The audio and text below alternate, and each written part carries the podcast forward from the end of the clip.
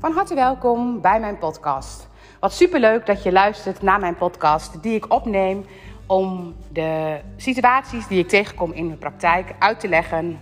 Ehm, en eigenlijk is het begonnen omdat ouders soms alleen kwamen en dat ze graag dat wat ik had verteld ook graag aan hun partner wilden vertellen. En dan zei ik van, nou weet je, dat schrijf ik eerst wel even op, maar daar was ik best wel lang mee bezig. Dus ik dacht voor mezelf, wellicht kan ik het beter opnemen. En eerst nam ik het gewoon in spraakberichtjes op. Maar inmiddels heb ik door dat dat wat ik opneem, dat als ik dat zonder naam en toenaam zeg maar op ga nemen, dat ik daarmee ook andere mensen help. Dus inmiddels heb ik al heel veel podcasts opgenomen. Het zijn er geloof ik in totaal 170 of 175 over allemaal thema's die, in mijn praktijk tegen, die ik in mijn praktijk ben tegengekomen. En zo ook dit thema. Want ik kreeg gisteren een vragenlijst. En die vragenlijst die, um, is ingevuld door iemand die al heel veel weet van hoe alles verbonden is met alles. En um, dat vind ik ook altijd super leuk. Want het is ook altijd erg leuk om dan te sparren en te zien van wat ze tegenkomt, waar ze um, een herkenbaarheid heeft in dingen, zeg maar, hoe dat eigenlijk allemaal gelinkt is aan elkaar. Want het moment dat ik een kindje zie en ik heb bijvoorbeeld een vragenlijst gelezen of ik zie ook een ouder erbij, um, dan verbind ik dingen met elkaar. Dan zie ik dingen um, in de vragenlijst die logisch zijn voor het kindje. Of dan zie ik dingen in de zwangerschap waarvan ik weet van oké, dat kan invloed hebben op het kindje. En dan zie ik dingen in de bevalling en dan weet ik gewoon van ja, de kindje heeft waarschijnlijk deze behoefte, want die had jij als ouder ook.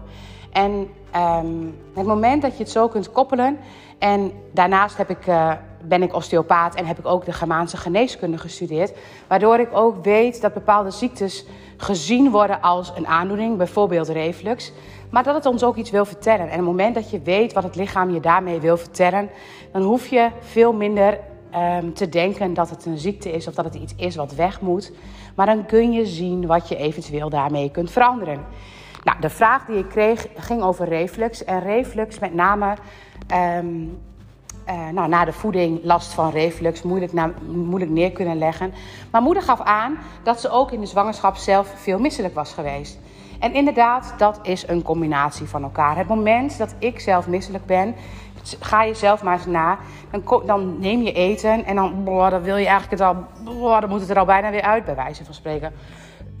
Iets wat een kindje ook doet het moment dat ze melk hebben gehad, ze hebben het heerlijk lekker opgedronken. En daarna zijn ze het echt aan het verwerken en het wil maar niet goed pakken. Zeg maar. Je merkt gewoon dat het steeds nog weer een beetje omhoog komt. Het lukt nog niet om het helemaal te pakken. Nou, als je kijkt naar melk bij kindertjes, dan kan dat natuurlijk allemaal thema's hebben. Het kan bijvoorbeeld zijn dat de melk niet makkelijk verteerd wordt. Want het moment dat je iets niet kunt verteren, dan komt het ook steeds omhoog. Ik heb altijd als ik spruitjes eet, die, oh, die kun, kan ik gewoon niet verteren op een of andere manier. Als ik erover aan denk, dan gaat het al bijna mis.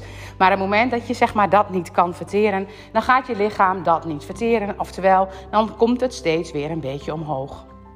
Nou, kijk je naar moedermelk dan weet je eigenlijk wel van, nou weet je, dat moet verteerbaar zijn. Want het is voorverteerd. Dat is het mildste wat je eigenlijk een kindje zou kunnen geven. Wat gaat er dan niet goed in die vertering? En kijk je naar moedermelk, dan is het belangrijk om te weten dat dat het allermooiste is. Niet het allermooiste, een kindje mag ook flesvoeding krijgen, dat bedoel ik daar niet mee te zeggen.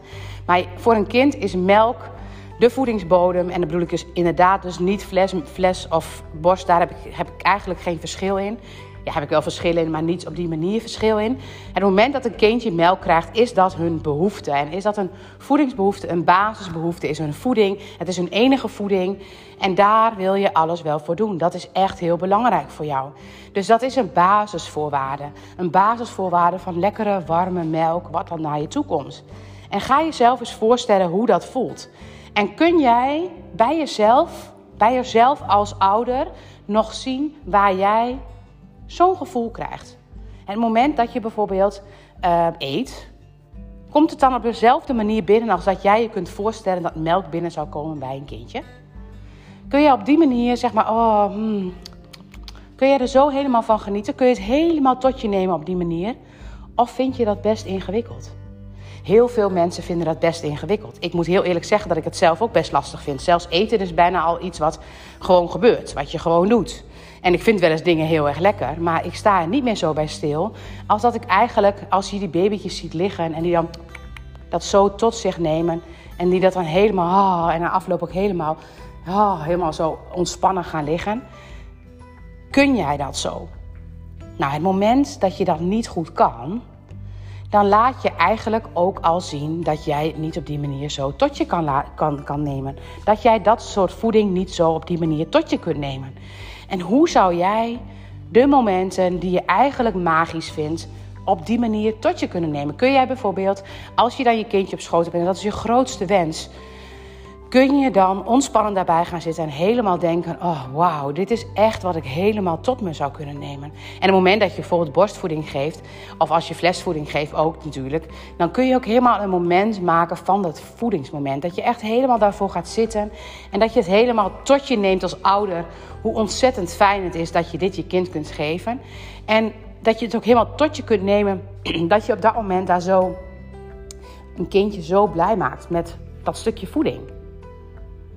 En als je naar het leven aan zich kijkt, kun jij moedermelk tot je nemen. Kun je momenten benoemen waar je dit gevoel echt tot je neemt en ook helemaal tot je neemt. Mag jij dat tot je nemen? Ik moet heel eerlijk zeggen dat ik het heel moeilijk vind om dat tot me te nemen. En ik weet wel dat het belangrijk is om tot me te nemen, want dat is juist het ontvangen. Het ontvangen wat dat kindje doet en het ontvangen en het helemaal verteren, helemaal verwerken van dat fantastische mooie gevoel dat is eigenlijk het ontvangen van die moedermelk. Het ontvangen en helemaal tot je nemen van dat, van dat moedermelkgevoel. En wij denken altijd, we moeten dat kindje dat geven. Maar het kindje kan zich pas, dat pas echt tot zich nemen als wij als ouder dat gevoel ook echt tot ons kunnen nemen. Dat wij eigenlijk, we, we zetten vaak een kind op nummer 1, maar we moeten niet een kind op nummer 1 zetten. We moeten onszelf op nummer 1 zetten en daarbij het kind automatisch. Omdat jij het jezelf op nummer 1 zet, dan geef jij alles aan je kind. Dus het moment dat je die verhouding goed ziet, dat je zelf nummer één mag zijn. En dat je dus nooit iets ten koste van jezelf moet gaan doen. Dat het echt zo mag zijn dat jij helemaal dat optimale gevoel altijd mag hebben. En het lukt niet altijd, maar het gaat erover dat je dat tot je mag nemen. Dat je dat helemaal eigen mag maken. En daar zit moedermelk. Daar zit de vertering van moedermelk. Daar zit de vertering van alles oordeelloos tot je nemen. Niet kijken, dit is goed of dat is fout. Nee, voor jezelf kijken van wat, waar, wat wil ik nu als ouder? Wat is voor mij belangrijk om te doen? En dat kun je niet altijd doen. Maar het moment dat alles gaat over wat wil mijn kind dan ga je op dat moment uit jouw eigen gevoel. Dan ben je wel moeder en als moeder wil je alles geven aan je kind. Maar het moment dat het ten koste gaat van je eigen ik, dan is het bijna. Um, dan, dan is de verhouding zoek, dan klopt het niet meer. Nou, ik dwaal bijna voor mijn gevoel een klein beetje af. Maar het gaat erover dat je moedermelk kunt zien als iets heel moois wat je tot je zou kunnen nemen. En als je dan zwanger bent en je bent heel misselijk, kun je dan helemaal dat mooie gevoel tot je nemen. Ik was bij de zwangerschap 2 en 3 ook heel veel misselijk. En eigenlijk kon ik het ook niet helemaal tot me nemen dat ik zwanger was. Ik kon het wel tot me nemen, maar bijna vond ik dat te mooi. En um, durfde ik dat mooie gevoel wat ik eigenlijk dan voelde, niet helemaal tot mij te nemen. Niet helemaal van mij te maken. Terwijl het wel belangrijk is om dat helemaal van je te maken. En wanneer doe je dat goed genoeg, dat is altijd ingewikkeld. Maar kijk eens voor jezelf of je dat helemaal mag, mag ownen. Of je dat helemaal mag hebben. En als je iets helemaal mag hebben, als je dat mooie helemaal mag pakken, als je jezelf daar helemaal mee mag voeden, dan doe je precies wat je mag doen met die melk dan kun je het helemaal tot je nemen. Kun je het helemaal in je pakken. En kun je het helemaal verteren. Dus verteren gaat ook over een bepaalde rust die je erbij zou mogen hebben. En een rust en het ook echt helemaal nemen. Helemaal tot je nemen. En het is best moeilijk om het helemaal tot je te nemen als je dat nooit hebt geleerd. En als je ook eigenlijk um, nou, een bepaalde bescheidenheid kent. Of misschien ook ouders hebt gehad die in een bepaalde nuchterheid kijken. Want het is natuurlijk niet helemaal nuchter als je dat helemaal tot je mag nemen. Maar het is wel dat wat je mag doen om die vertering helemaal te, um, toe te staan en toe te laten. Nou, een ingewikkelde podcast, maar het gaat erover. En kijk voor jezelf eens waar kan ik de dingen tot me nemen. Als ik bijvoorbeeld nu zo deze podcast inspreek, dan vind ik het echt heel gaaf dat ik dat kan doen, dat ik dat wil doen, of dat ik, dat, dat ik het eigen, dat ik het, dat ik het niet moeilijk vind, dat ik het gewoon kan doen. En eigenlijk mag ik daar straks wel eens even bij stil gaan staan en mag ik het helemaal tot me nemen, dat ik het zo uit mijn mouw kan schudden, bij wijze van spreken. Maar wat ik vaak doe, is gewoon weer doorgaan. En eigenlijk gaat daar de vertering over. Ik mag verteren en tot me nemen dat ik dat helemaal zo eigen heb gemaakt. En op het moment dat ik dat tot me kan nemen, kan ik dat ook trillen, kan ik dat ook zijn. En dan, dan, dan kun je dat helemaal eigen maken. En dan kan een kind dus helemaal die moedermelk volledig tot zich nemen. En dan kan jij het mooie gevoel wat je hebt als je net moeder bent geworden weer, dat je dan dat helemaal tot je mag nemen. Helemaal tot op de bodem in je systeem mag leggen. En als je dat kan, dan geef je daarmee je kind een weldaad. Want jij geeft eigenlijk een groot voorbeeld hoe je zou kunnen verteren. Nou, dankjewel voor het luisteren. En tot een volgende podcast.